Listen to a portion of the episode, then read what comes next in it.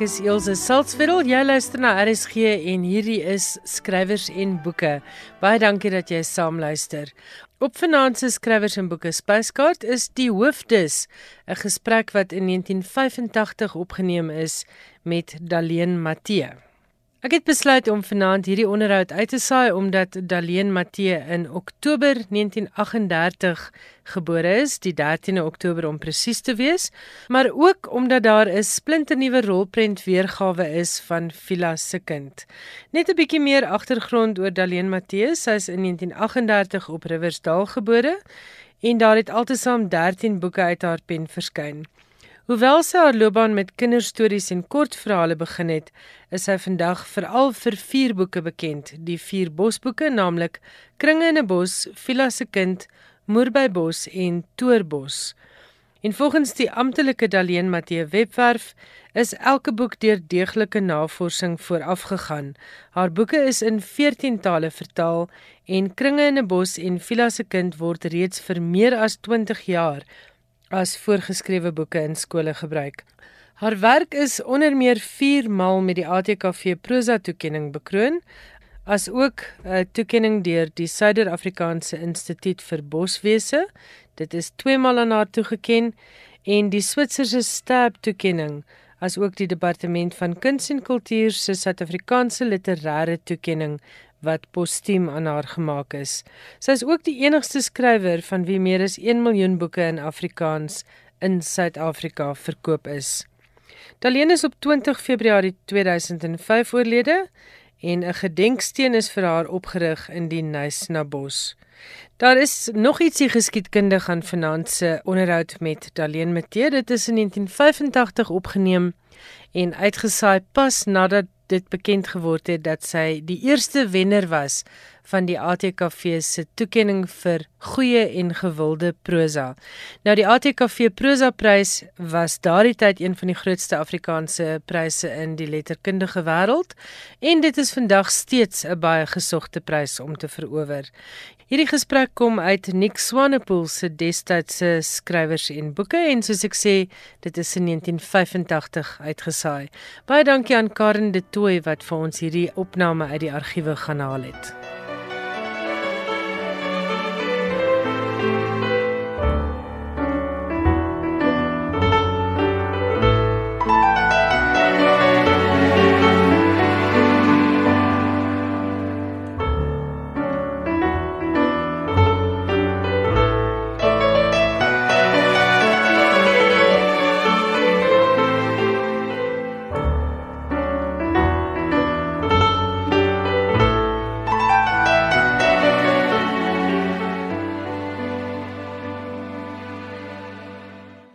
Gister het Daleen Matthys se nuwe roman Villa se kind verskyn.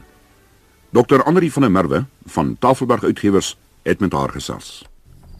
Daleen in Villa se kind is Skopper en Polly nogal twee belangrike karakters. Waar kom jy aan die twee en wie is hulle? Dit is twee volstryse. Skopper is die mannetjie en Polly, Polly is nou die wyfie. Maar ek het gedink is baie eenvoudig om met 'n volstrys te werk. Maar probeer nou 'n volstrys in 'n kamp sit, dan kom jy agter maar ek weet niks. Toe begin ek soek na stof oor 'n volstrys. En dit was een van die interessantste stukke navorsing want toe kom ek af op 'n meestersgraad, die enigste ter wêreld wat oor 'n volstrys geskryf is. En toe het ek daardie meestersgraad deurgewerk. En toe ek ek sal nooit weer 'n volstrys met dieselfde oë aanskou nie. Wat wat wat is een van die uh ontdekkings wat jy omtrent 'n volstrys gemaak het wat jy nie van tevore geweet het nie of vermoed het nie. Ek dink hulle hulle nou weet ek die Afrikaanse woord nie. Aloofness. Daar is iets aan hulle wat uh, trots, het trots in hulle. En die mannetjie se houding, die mannetjie is nie ons mans. Elke mannetjie verskil teen ten opsigte van sy wyfie. En as hy vir 'n wyfie lief geword het, weet nie of al ons mans nou so is nie, maar dan bly sy lewe lank lief net vir daardie een wyfie en hy sal vir haar keer en vir haar skerm. En sou jy dink 'n volstrys is 'n voël? Jy weet, toe ek nou klaar gewerk het, die meesters gaan deur gewerk het en die ander boeke wat die meneer Swart van die proefplaas op Oudtshoorn nou vir my gegee het, Toe bel ek hom, toe sê ek vir hom ek is nou 'n leek, maar ek kan nou nie meer aanvaar dat 'n volstruis 'n voël is nie. En ek motiveer nou in my domheid. Toe sê vir my mevrou, dis nou snaaks dat jy dit sê. Die Amerikaners het nou net besluit dat 'n uh, volstruis nie 'n voël is nie. Hulle moet sy eie kategorie sit tussen 'n dier en 'n 'n voël so iets. Erns. Ek weet nie waar die Amerikaners hom sit nie. Dis 'n geweldig interessante verhaal en dit dit lyk so of dit waarheid kan wees. Waar kom jy aan hierdie verhaal? Jy weet, ek het eendag 'n afspraak gehad met 'n ou dame van 92. Maar dit was nie einde van my navorsing. En ek was te moeg. Ek wou nie ek wou ek het nie krag gehad om te gaan na die ou dame nie. Maar ek was te moeg om in my motor te klim om huis toe te ry. Toe huur ek nou 'n woonstel by 'n onderwyser gedurende 'n vakansie, né? Toe gaan lê ek eers in slaap. Toe word ek wakker, toe sit 04:30 en my afspraak is 4:00. Toe voel ek op nou? Nysna. Toe voel ek nou 'n bietjie beter. En ek dink, wag, ek het nou nie gebel om te sê ek kom nie. Ek beter gaan. Weet ek word yskoud as ek dink as ek nie gegaan het nie, want dan het ek nie Vila se kind geken nie. Toe ek daar kom tussen die 92-jarige dame, pragtige mens, jonk. Toe sit sy die tees reg, haar suster van 86 kom ook. En nou gesels ek met hulle. Jy weet haar trouring is nog gemaak van goud uit die bos. Ag, is te wonderlik. En skielik sê sy vir my: "Weet jy, ek gaan nou vir jou 'n storie vertel wat in hierdie bos gebeur het." Sy sê en ek dink ek en my suster is die enigste oorlewendes wat nog daardie kind regtig geken het. En toe het sy my die storie van Vila se kind vertel. En en waarom het jy oorspronklik watse soort uh, inligting wou jy eintlik vanaand gehad het? Nee, ek wou inligting gehad het vir kringe in 'n bos. En op daardie oomblik het ek geweet ek gaan meer as een boek skryf. Want ek het geweet daardie storie wat sy my vertel het, hom wil ek eenkant hou. Hy mag nie in die eerste boek kom nie. Die werkswinkel vir voornemende skrywers wat deur die ATKV en die PU vir CAO gereël en die afgelope week op Potchefstroom plaasgevind het, is deur Daleen Matthee ingelei. Daar word gesê dat as 10000 mense saam is, 1/10de, naamlik 1000, die vermoë sal hê om werklik skepend te dink. Van hierdie 1000 ek kom nou by u. Van hierdie 1000 sal 100 die vermoë besit om met woorde of klei of klank of kleur te skep. Die ander sal nou die tonnels ontwerp en die slim brûe en die goeters maak. Van hierdie laaste 100 sal 10 die nodige dryfkrag hê om dit te waag. En van hierdie 10 sal een uitstyg bo die ander 9. Het sy as skilder of beeldhouer of komponis of skrywer. So as jy daai een uit 10000 is, is dit nog nie te sê jy is die skrywer nie, dis die eerste. dit staan geskryf dat ek moet praat oor die eienskappe van 'n goeie storie. Ek kan dit alleenlik doen as ek dit in 'n eerste posisie plaas met die eienskappe van 'n goeie skrywer. Want die een kan nie sonder die ander nie. Oor die eienskappe van 'n goeie storie is daar baie geskryf. Jy kan dit oral gaan opkyk. Ek kan nou lui wees en sê mense, 'n storie moet 'n tema hê en 'n verwikkeling en karakter skryf mooi en netjies, ontwikkel 'n goeie styl, waak teen die anglisismes en good luck ons kan almal huis toe gaan. Nou is dit ongelukkig nie so eenvoudig nie. 'n Magic formula is daar ook nie. Al wat ek uit ondervinding weet, is dat nadat jy al die verskeie knap uiteensettings van die eienskappe van 'n goeie storie gelees het, daar altyd die gevoel is dat 'n element ontbreek. Soos die geursel in 'n koek. Jy weet intuïtief dat dit nie so eenvoudig is soos geursel uit 'n botteltjie nie. Want dit wat ontbreek is die ontasbare. En net daar kan jy in jou eerste slaggat beland, want kortom, verstrengel jy jouself in die mistieke en daar kom jy nie maklik uit nie. 'n Tikkie van die mistieke is nodig. Soos 'n tikkie geursel in die koek of die sout in die kos, Maar as jy te veel daarvan ingooi, dan kan jy dit nie eet nie. Maar later meer hieroor. Laat ons dan ietwat vlugtig kyk na die tegniese eienskappe van 'n goeie storie. Eienskappe nie los dele nie. Ek sit hulle in vier hoofde. Tema: verwikkeling, gebeur of jou plot, karakterisering en styl. Tema: Daar is geen reëls of beperkings by die keuse van 'n tema nie. Al voorwaarde is natuurlik dat dit kommunikeerbaar binne die roman of die storie of die drama of wat ook al moet wees. Die tema van die storie is die doel van die werk. So kan ons byvoorbeeld as as 'n uh, uh, voorbeeld noem, die tema in Gone with the Wind is die uitwerking van die burgeroorlog op die gemeenskap in die suide van Amerika. Die tema van Poppy Nongena, die ongeregtigheid van die gemeenskap teenoor die mense van die minder bevoorregte groepe. Dit is natuurlik ook die geliefde tema van Victor Hugo. 'n Tema mag filosofies van aard wees of meer algemeen. Sou daar egter geen tema uitkenbaar wees nie. As al die gebeure binne die roman of die verhaal nie die som totaal van die tema is nie, is dit 'n swak werk. 'n Storie sonder doel. Die tema op sy beurt word uitgebeeld deur die gebeure binne die verhaal. Die handeling van die karakters. En dit bring ons by die kerneienskap van 'n storie, naamlik die verwikkeling, die plot. Ek herhaal, om 'n storie te vertel, het jy handeling nodig. En handeling is gebeure. 'n Storie waarin niks gebeur nie, is nie 'n storie nie. Alle menslike aksie is doelgerig, bewustelik of onbewustelik. Doelloosheid is teen die mens se natuur en 'n staat van neurose. Waar was ek nou? Ja. 'n Storie waarin gebeure egter ingeprop word of toevallig of sinneloos is, is nie 'n goeie storie nie. Want gebeure moet waarde hê. Ten eerste moet dit inligtend wees. Informatief.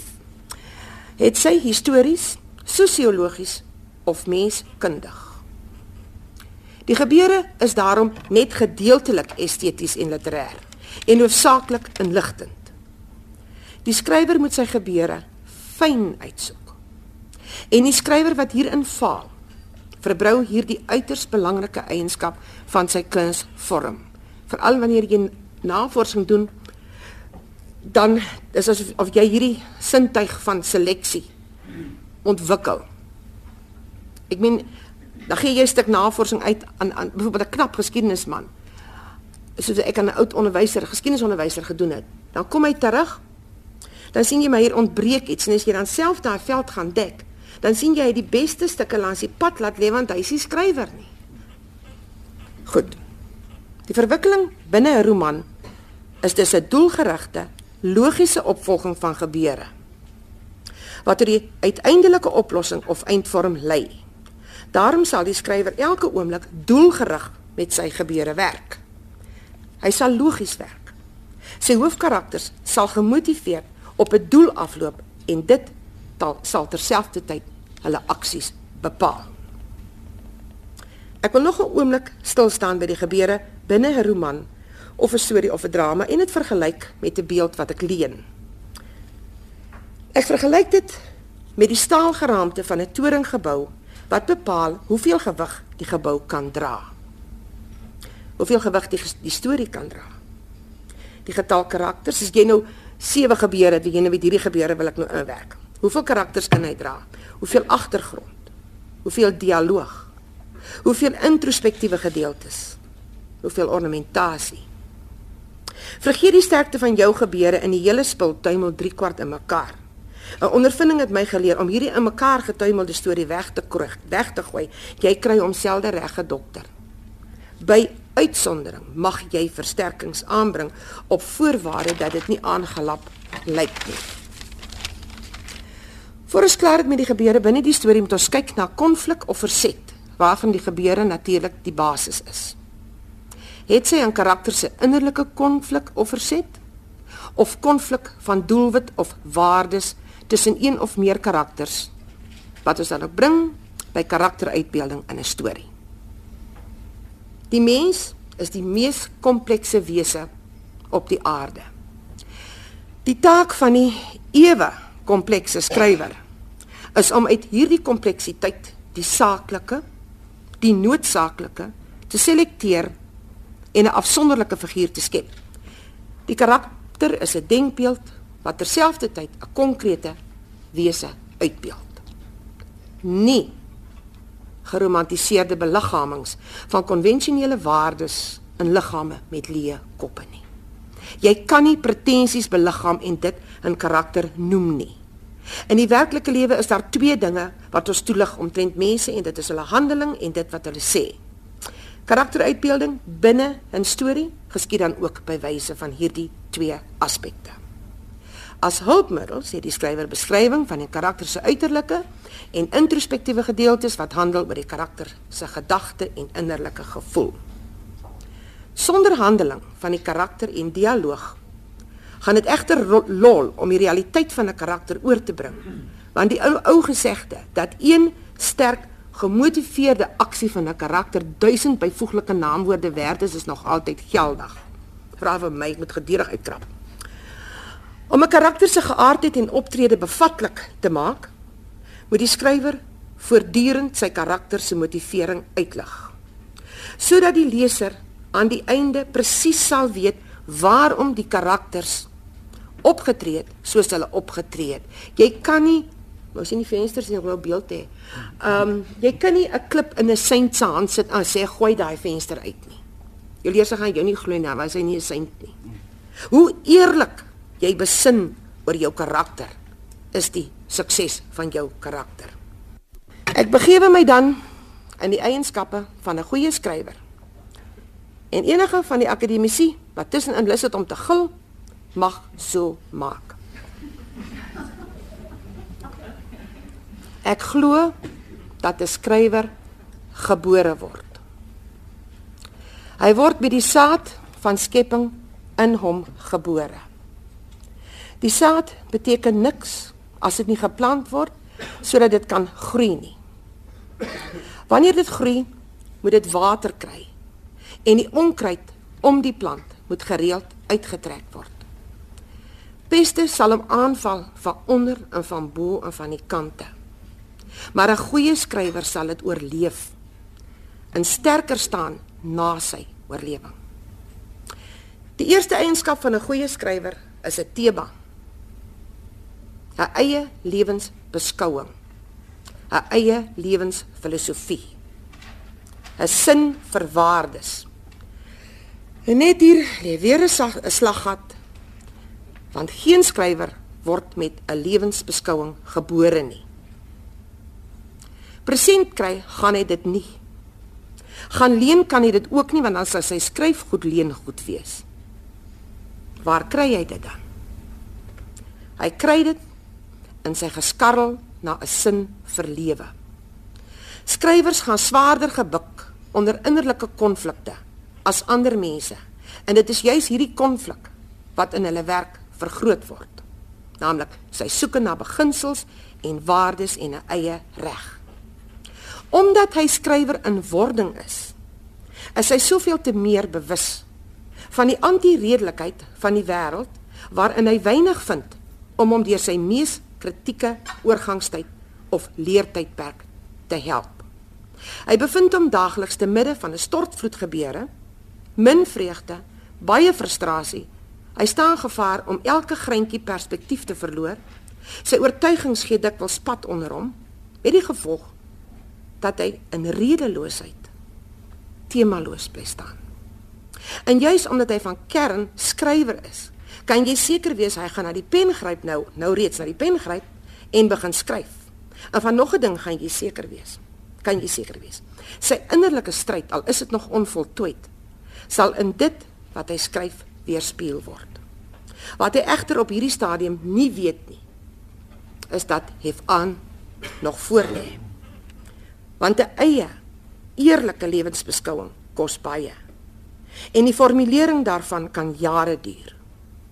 Formuleer 'n jong skrywer te vroeg 'n uitgemaakte lewensbeskouing, staan hy gevaar om met sy neus teen die muur te bly. In die jonkheid van die skrywer moet sy lewens lewensbeskouing plasties wees, oop vir dieper denke, wat dit in later jare nie meer is nie. Dan kan 'n filosofiese uitgangspunt alleenlik deur middel van lang herskoling op psigologiese vlak geskied en min het die moed of die eerlikheid daarvoor. Solank die jong skrywer nog worstel met 'n eie filosofie, is hy veilig. Dit is wanneer hy loop lê en te gou formuleer wat hy in die gat beland waar hy gaan lê om op te droog. Daar is natuurlik 'n ander moontlikheid, naamlik die jong skrywer wat nie worstel om 'n eie belewensbeskouing te ontwikkel nie, wat bloot sy emosionele rekenaar programmeer met terloopse invloede, wat voor die voet indrukke met voor die voet indrukke, assosiasies, nabootsings, onverwerkte opvattinge Of sou hy verstandelik probeer funksioneer op 'n grondslag van ontwyking of van traagheid, gaan sy lewensbeskouing oorheers word deur die onsamehangende of deur vrees. Wat vorm die basis vir die formulering van 'n lewensbeskouing? Gebeure. Die skrywer leef binne gebeure, binne sy eie plot. Een van die grootste invloede nou op hierdie stadium gewoonlik is die werke van ander skrywers en die gaan hom eers deurmekaar maak want die een skrywer se werk mag vir hom die lewenswaardes van helde projekteer en die ander se werk gaan vir hom voorhou dat die mens se pogings futiel is en 'n visie skep van neerlaag en wanhoop as die mens se uiteindelike lot hier sal hy kennis maak met die skrywer wat al jare moet sy neus teen die muur staan en net die bars voor hom sien Die skrywer wat nie die moed het om 'n paar tree agteruit te staan sodat sy visie kan verbreek nie. Neus teen die muur bring stagnasie, nooit vernuwing nie. Jy weet sommer terloops, ek kry soms 'n gevoel 'n mens kan 'n lyn trek tussen die groter skrywers voor die Eerste Wêreldoorlog en die groter skrywers na die Eerste Wêreldoorlog. Ek weet iemand wil eendag 'n uitleg gee daarvoor. Dis net as jy so 'n so eentjie terug staan. Die werke van die groter skrywers voor die oorlog projekteer vir my 'n vriendeliker houding van die mens heens homself en heens ander. Dis asof hy so groter goodwill het. Die groter skrywers na die oorlog toon so dikwels so 'n soort opgee waar dit by doel en waardes en toekoms kom. Dis waar meer bitterheid is en 'n gekerm is. Mag ek sê dit net terloops. Die skrywer moet deur sy fase worstel, deur hierdie fase worstel want om om 'n eie filosofie te bereik waar hy sal kan sê en skryf mense so sien ek die lewe dit is die stem van my lewensbeskouing sy lesers se reaksie sal wees ja jy bevestig vir my my siening van die lewe of so sou ek ook graag die lewe wou ervaar of i kon So sien ek die lewe nie. Dit lieg jy. Swaar. Jong het vir ons baie duidelik gewys dat wanneer die mens sy versteke dieptes begin verken, hy op sy eie kragtigste oermagte afkom. Hoe daar in die innerlike groei van die mens sy eie ego na die agtergrond geskryf geskuif word om plek te maak vir 'n groter bewussyn van die magte in hom en 'n nuwe bewussyn in hom groei. Nie 'n nuwe ego nie. Dit is wat die goeie skrywer moet bereik. Hulle sê bo die uh, deure van die ou tempels was daar 'n klip ingebytel, man know thyself. Ek sou graag daarby wou skryf, writer know thyself. Daarby sou graag Aristoteles se woorde wou skryf, History represents things as they are, while fiction represents them as they might or ought to be. 'n Lewensbeskouing is egter nie onfeilbaar nie.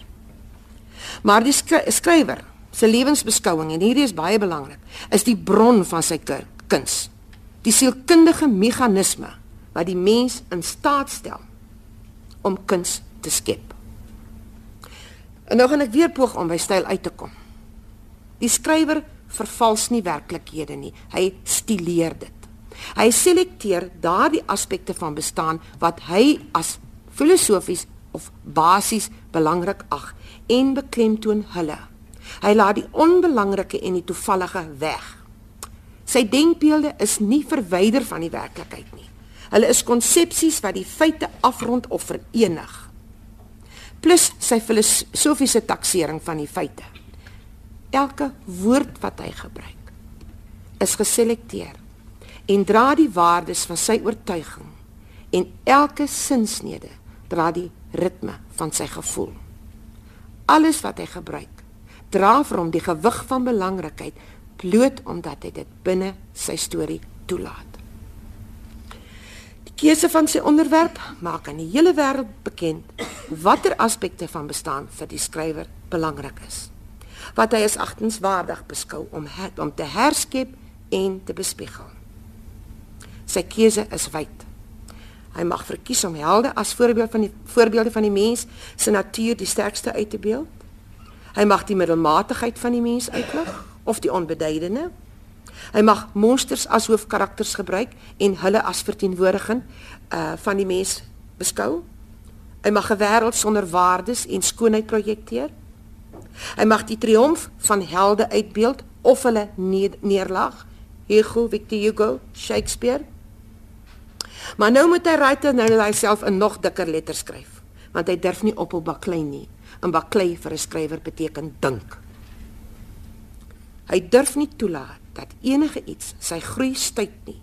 Want hy moet nog groei tot waar sy verstandsontwikkeling hom tot 'n staat van helder fokus lei waaruit helder beelde en 'n helder styl en genadeloose onverbiddelike eksaktheid in sy werk geken sal wees. Sy styl sal skerp buitelyne hê, doelgerig. 1 + 1 sal niks anders as 2 kan wees nie. Dan is die skrywer die drif deur. Dit het hom lank geneem. Jare self, maar hy sal nooit weer omkyk en in 'n soutpilaar verander nie. Hy sal nooit weer deur die nevels van 'n onvoltooide lewensbeskouing oorheers word. Hy sal nooit weer sonder buitelyne werk of met woorde wat niks sê nie.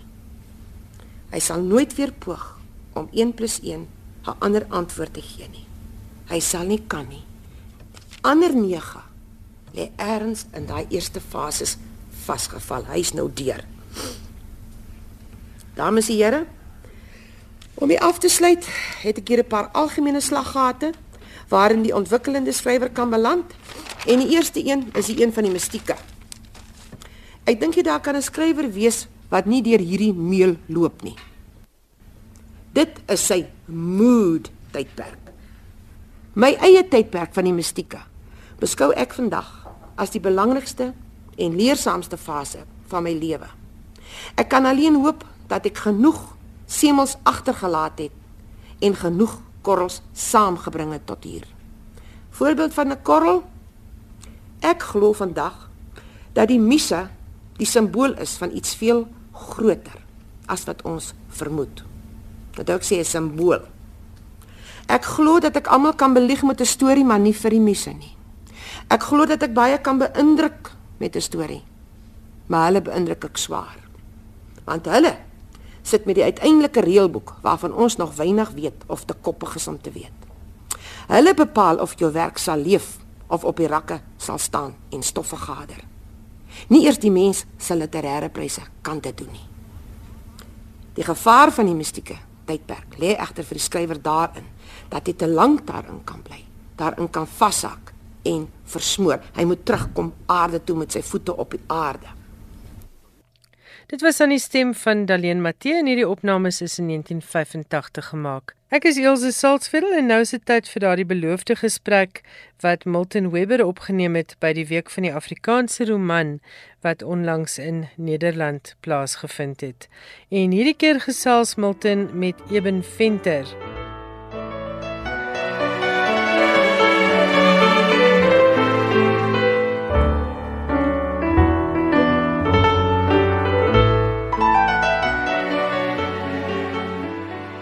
Ek gesels hier met die bekroonde skrywer Eben Venter. Hy het nou al verskeie toekenninge gewen, onder andere die Kyknet rapportprys. Wat was van die hoogtepunte wat jy beleef het hierdie afgelope week? Die hele week van die Afrikaanse roman was een groot hoogtepunt. Ek wil byna sê in my lewe en ook die nie net die vorige om nie te wees nie, want dit was so knap georganiseer deur die hooforganiseerder, uh Ingrid Glory en ook dit was inspirerend en soms uitdagend, maar altyd harmonieus om saam met die ses ander deelnemers in 'n span rond te reis hier in Nederland en ook in in België. As ek een sessie moet uitsonder, was dit ons sneak peek in die groot slawerny tentoonstelling wat die Ryksmuseum beplan. In die eerste instansie, hulle gaan fokus op die VOC wat uh, ooste toe gevlieg het en aan die WOC, die Wes-Indiese Kompanjie, hulle het na die Karibiese eilande en na Suid-Amerika geseil en hulle het hoofsaaklik in slawe handel gedryf. Miljoene mense is as slawe weggevoer en hulle identiteit, dit het alles verlore gegaan. Maar nogtans het hulle uh, soveel as moontlik adviseurs uit 'n uit 'n diverse groep van mense werksaam uh, ook dis 'n geweldige poging om hierdie uitstalling so verteenwoordigend en opreg aan te bied. En hulle probeer verduidelik hoe versigtig en verantwoordelik hulle is in hulle benadering tot hierdie uitstalling om enigsins dit so omvattend as moontlik te maak. Ek dink dit gaan vir vir baie uh, Nederlanders gaan dit gaan dit gaan 'n skok vir hulle wees om op daai manier uh, gekonfronteer te word met hulle voorgeskiedenis. Hmm. Die feit dat jy nou in Australië woon, maar wel gereeld in Suid-Afrika kom, kan jy na al die jare sê dat jy nou 'n uh, Australier in murg en been is? Ek wil net sê dat ek hier by my het 'n bakkie van ehm um, sewe en dis daai donker persvel vy en dit kom van Turkye af. En ek het dit nou net hier in 'n oostelike deel van Amsterdam gekoop en um, dis eintlik vir my ehm 'n aanduiding van hoe multi-etnies baie stede nou geword het en hoe mens eintlik eh, selfs al kom jy nie van 'n bepaalde stad kan jy in Amsterdam of in Melbourne heeltemal tuis voel. En ek dink dit is die geval met my ook.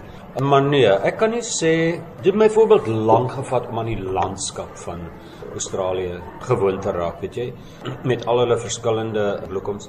Dis so, jy weet as jy daar in die bos loop, hulle hulle noem dit ook die bush. Jy kry 'n ander gevoel. Dit my lank gevat, kan ek sê, om te voel dat ek tuis voel maar ek dink ek is ja, ek ek sal sê ek smaak die beste van beide lande hmm. en dis my uh, inspirasie wat ek dikwels in my boeke ook dit, dit ja. vind neerslag in in my stories, jy weet. Ja. So ek voel ek kan met met kennis en autoriteit 'n karakter byvoorbeeld sê in Sydney plaas. Ja. En um, dan sal ek weet hoe om daai persoon te rond te beweeg en ek kan dit en, en en net so met sê iemand in in Port Elizabeth, jy weet. So ek kan dit met oortuiging doen. So dit is my die groot voordeel van om op in twee lande ja. te woon. Nou na al die jare kies jy net nog steeds om in Afrikaans te skryf. Waarom? Ek dink dit het maar te maak met die liefde. Jy weet ek is ek is baie ek, lief vir Afrikaans en die ehm um, vermoë Afrikaanse bepaalde ding te sê. Nou die aand in Brussel was ons as lede van die week van die Afrikaanse roman by 'n geleentheid en dit was ehm um, ter viering van meertaligheid in die Europese Unie. En toe het 'n digter daar die vaderlandsdigter van België het 'n gedig gelees in in Vlaams in Nederlands. En toe was dit op die bord geprojekteer in Afrikaans. 'n Fraser en en Daniel het dit gesing in Afrikaans en dit was vir my soveel meer uitdrukkingsvol So dit is vir my 'n rede hoekom ek nog altyd in Afrikaans geskryf het en altyd nog in Afrikaans sal skryf, maar ek het wel my laaste boek in Engels geskep en dit toe in Afrikaans vertaal. Hoekom het jy juist besluit om Groen soos die hemel daarbo eers in Engels te skryf? Met die publikasie van Wolf Wolf het ek 'n literêre agent gekry wat ook nie so maklik is nie. En ehm um, sy woon in Londen En toe het sy vir die eerste maal Wolwolf en Borrelpoot of Trencherman verkoop aan 'n Britse en 'n Australiese uitgewer en dit het my op die wêreldboekrak geplaas en daarmee het ek besluit dat ek van nou af my boeke uit die staanspoor uit in in Engels sal skryf om daai boek van die begin af gereed te maak vir 'n uh, groter wêreldgehoor en om dit dan daarna te vertaal in in Afrikaans. En ek het ook gevoel dat dat na soveel jare is ek nou gereed voel ek uh, toegerus genoeg om in Engels te kan skryf. Jy groen soos die hemel daarbo self in Afrikaans vertaal, as ek Ja, ja, ja, verstaan. ja. En het jy enige probleme gehad by die vertaling of was dit eintlik maar natuurlik? Nee, dit was dit het vir my dit het vir my natuurlik gekom, jy weet ek. Dit was vir my lekker ook. Ek het dit nog geniet om dit um, huis toe te bring. Ja. Dit was vir my moeiliker en dit het my eers na 3 maande het ek gevoel ek kry die slag met Engels. So dit was dit was my 'n groter uitdaging as om dit in Afrikaans te vertaal.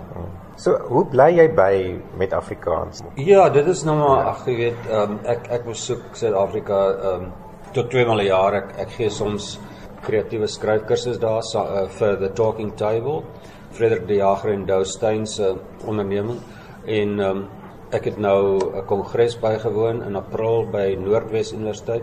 So ek gaan dikwels soontoe. Ek gaan ek gaan kuier vir my ma natuurlik, jy weet, om haar te ondersteun en ek lees nog soveel Afrikaanse mans en uh, digbundels as as waarna ek belangstel. Ag nou ja, soms verloor mens of jy vergeet 'n woord in Afrikaans, jy weet, maar ek ek vergeet woorde in Engels, jy weet, dan onthou ek hulle miskien in Afrikaans of so. So daarvoor het jy nou jou goeie woordeboeke en goed. Ek wou nou juist vir jou gevra het of jy of jy ervaar dat daar 'n mate van taalverlies by jou voorkom en of jy op jou eie manier dalk self die taal vernuwe selfs. Ja, ek sou so sê uh, beide. Ek dink daar's daar is 'n uh, taalverlies. Kyk, ek weet nie meer presies hoe graad 12 kinders op die skoolterrein praat nie. Jy weet, ek bly nie daar nie. Ek het ook nie kinders nie. So as ek uh, so 'n karakter het, so sou ek moet moes navorsing doen om hulle slang en hulle manier van praat goed te ondervang. En um, John Waring het dit mooi aangedui in 'n resensie oor groen soos die hemel daarbo. Ek dink ek ek maak soms um, my eie woorde omdat woorde van 'n distansie eintlik kosbaarder word of of jy weet 'n ander nie net hulle betekenis maar dis as hulle 'n ander kleur kry, jy weet. As wat ek byvoorbeeld in Suid-Afrika sou gebly het, jy weet, en en en hierdie woorde en taal om my hoor al die tyd. Nou hoor ek dit net af en toe en as dit vir my soms op 'n spesiale manier klink hierdie woorde in my in my ore op en is dit byna op 'n vars manier wat ek dit kan gebruik. Nou om terug te kom na jou verblyf in Australië, jou boek Wolf Wolf en Groen soos die hemel daarbo het Wolf Wolf het ook 'n uh, 'n sterk gay tema en uh, dit is natuurlik nou nie die enigste tema daar nie, maar dit raak ook aan pornografie verslawing. Groen soos die hemel daarbo het, het sterk seksuele ondertone. Ja, maar en ondertone en oral en alle tone wat jy kan Um, kan aan dink. Ja, maar ek wil bietjie by jou hoor. Dink jy jy sou so vrymoedig kon skryf oor hierdie temas as jy nog in Suid-Afrika gebly het? Ja, weet jy, dis 'n vraag wat eintlik 'n paar keer vir my gevra is en um, ek dink ek het 'n bepaalde vryheid ondervind. Ek dink tog daai vryheid het my gehelp om 'n perspektief te kry op op my lewe en op op kwessies in Suid-Afrika wat ek andersins nie ge- sou gehad het nie. Ja. So ek ek is ek dink dit het my skryfwerk en loopbaan goed gedoen om om daaroor kan te bly. Baie geleenthede het hulle self op vir my aangebied. Byvoorbeeld uh 3 jaar gelede het ek 'n beurs gekry by die Universiteit van Queensland om my doktorsgraad te doen. Jy weet so Australië was was goed vir my. Hoe voel jy daaroor om as 'n gay skrywer getipeer te word? Ek as glad glad nie daarvan nie en dit is vir my realiserend en um, ek dit is eintlik ook naïef van mense om my so te wil tipeer en uh, aanduiding dat hulle eintlik nie my oeuvre ken nie. Ek bedoel um, in Trencherman is daar geen sprake van van enige um, seksualiteit eintlik die die hoofkarakter is eintlik aseksueel en dan het ek 'n boek soos byvoorbeeld my kortverhale en um, dan het ek 'n boek geskryf soos Begeerte wat geheel en al vanuit die oogpunt is van 'n 'n redelike ouerige 'n vrou in in Somerset Oos. So ja, en en my nuwe boek gaan iets heeltemal anderster wees. So wil jy ons wel miskien iets daarvan vertel? Ek het reeds byna 'n jaar en 'n half um, navorsing gedoen. Sal ek sê grassroots navorsing, jy weet, in die veld in baie mense gepraat, uh, magdom van fotos geneem. Ek gebruik nie net my joernale, maar miskien ook so 'n bietjie lui gebruik ek deesdae fotos om vir my 'n argief te gee sodat uh, wanneer ek uh, die storie, jy weet, uh, komponeer, kan ek kan ek sê byvoorbeeld ek is in 'n straat in Hazyview met nou om vir jou so 'n bietjie van 'n wenk te gee, dan kan ek uh, terugkyk na my fotos as ek wil besonderhede van daai straattoneel in my storie inskryf. So ek ek het 'n groot argief van fotos ook opgebou vir my vir my nuwe boek, so ek is gereed om om dit te begin skryf, ja. En wanneer kan ons daar ongeveer na Ek hoop om aan die einde van volgende jaar minder of meer klaar te wees en dan sal ek moet wag om die vertaling klaar te maak want ek dink Penguin sal beide boeke in Engels en Afrikaans te gelykertyd uitgee. Baie dankie aan Milton Webber. Hy was in gesprek met Eben Venter en dit is nog 'n gesprek wat opgeneem is by die Week van die Afrikaanse Roman daar in Nederland. Skrywers en boeke. Alles wat jy oor die boekewêreld wil weet en meer. Hierdie tyd van die aand is dit Johan Meiburg se beurt om vir ons te vertel wat gebeur in die internasionale boekewêreld en as ek nou reg onthou van verlede week af Johan, praat ons vanaand net oor die Boekerprys. Dis reg. Goed, wie het gewen en hoekom dink jy het hulle gewen? Nou laat ek so begin. As daar een ding is wat die onlangse aankondiging van die Boekerprys wenners weer bevestig het, is dit die subjektiwiteit van literêre pryse. Vir vyf mense, ongeag hul bekwaamheid en toewyding om die boek van die jaar uit die gepubliseerde romans in Engels aan te wys, die uitmuntendste van alle fiksie, is wat hulle op Engels noem 'n tall order. Die reëls van die Boekerprys het in 1992 verander wat die beoordelaars verplig om 'n enkele wenner aan te wys. En toe kom Pieter Florence en sy span van 5 beoordelaars, saam met Florence ook Afua Hirsch, Liz Calder Shaulu Go en Johanna McGregor. En wys 'n gesamentlike wenner aan, die Kanadese skrywer Margaret Atwood en die Britse skrywer Bernardine Evaristo. Die paneel het verlede maandag byeengekom om 'n wenner aan te wys uit die boeke op die kortlys. Die kortlys net weer Margaret Atwood, The Testaments, Lucy Elman, Ducks, Bernardine Evaristo, Girl, Woman, Other Shiguzi Obihama and Orchestra of Minorities, Salman Rushdie Kishot en Elif Shafak, 10 minutes 38 seconds in this strange world.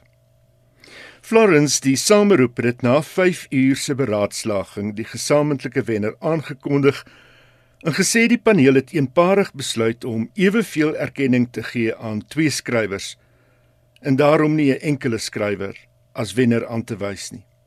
Ons het gestem en dit het nie gedeug nie, het hy gesê. Ons het na 3 uur gevra vir die vergunning om twee wenners aan te wys. Die voorsitter van die Boeker Trustees het gesê nee, die reëls moet nagekom word.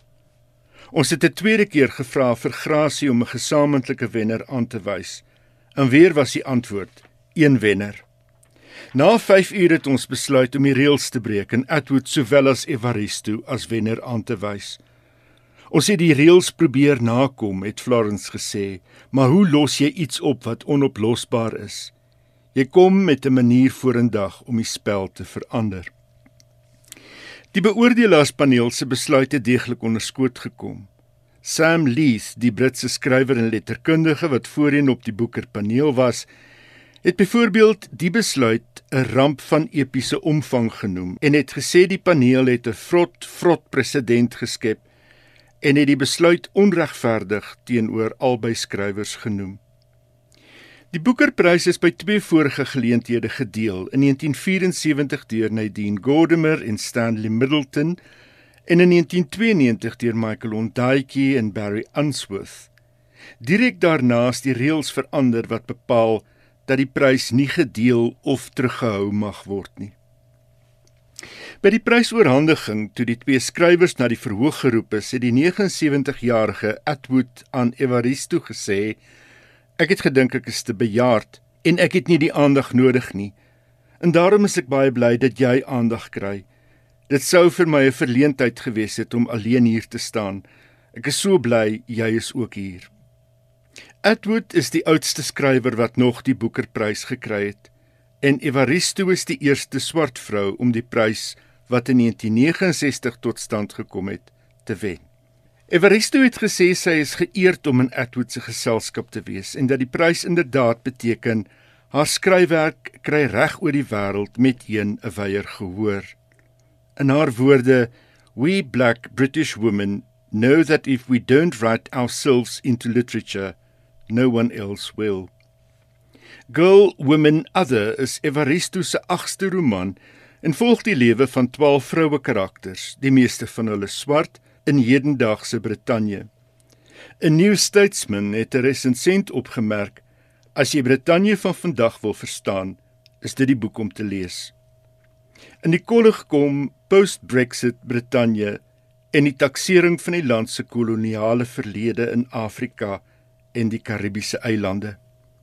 Die roman is beskryf as vars en dit is veral die meerstemmigheid van die 12 karakters wat opval as 'n strategie teen onsigbaarheid. Die 60-jarige Evaristo skryf benewens romans ook poësie, kortverhale, dramas en essays. Sy is professor in kreatiewe skryfwerk aan Londen se Brunel Universiteit. Sy is ook ondervoorsitter van die Royal Society of Literature. Atwood, 'n skrywer met onblusbare ywer en met bykans 2 miljoen Twitter-volgelinge, het die Booker in 2000 gewen met The Blind Assassin. Die tweede Booker-prys plaas haar in die geselskap van drie ander skrywers wat ook die twee kuns behaal het: James Coetzee, Peter Carey en Hilary Mantel.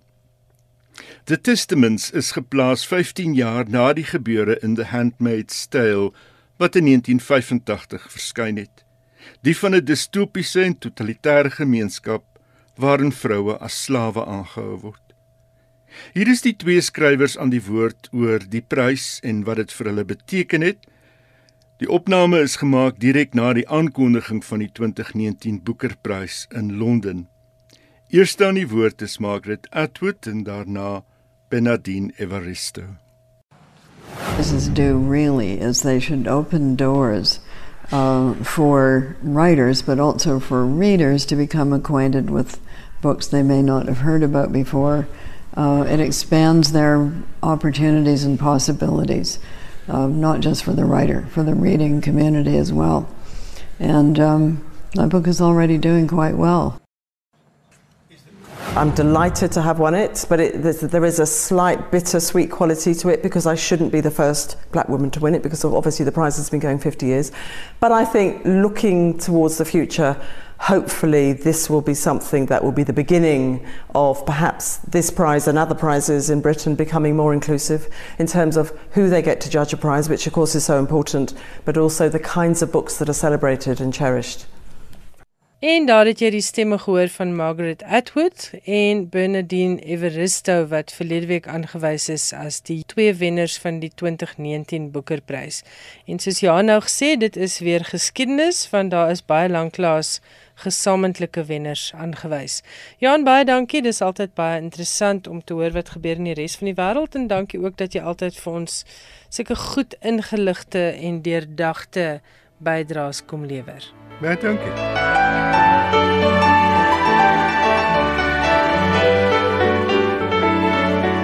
Dit was dan Finansies Skrywers en Boeke baie dankie dat jy saam geluister het. Volgende Woensdag aand maak ons weer so. Die epos net weer skrywers en boeke by rsg.co.za en die SMS nommer is 45889. Totsiens van my Elsje Salzwetel ons gesels volgende Woensdag aand weer.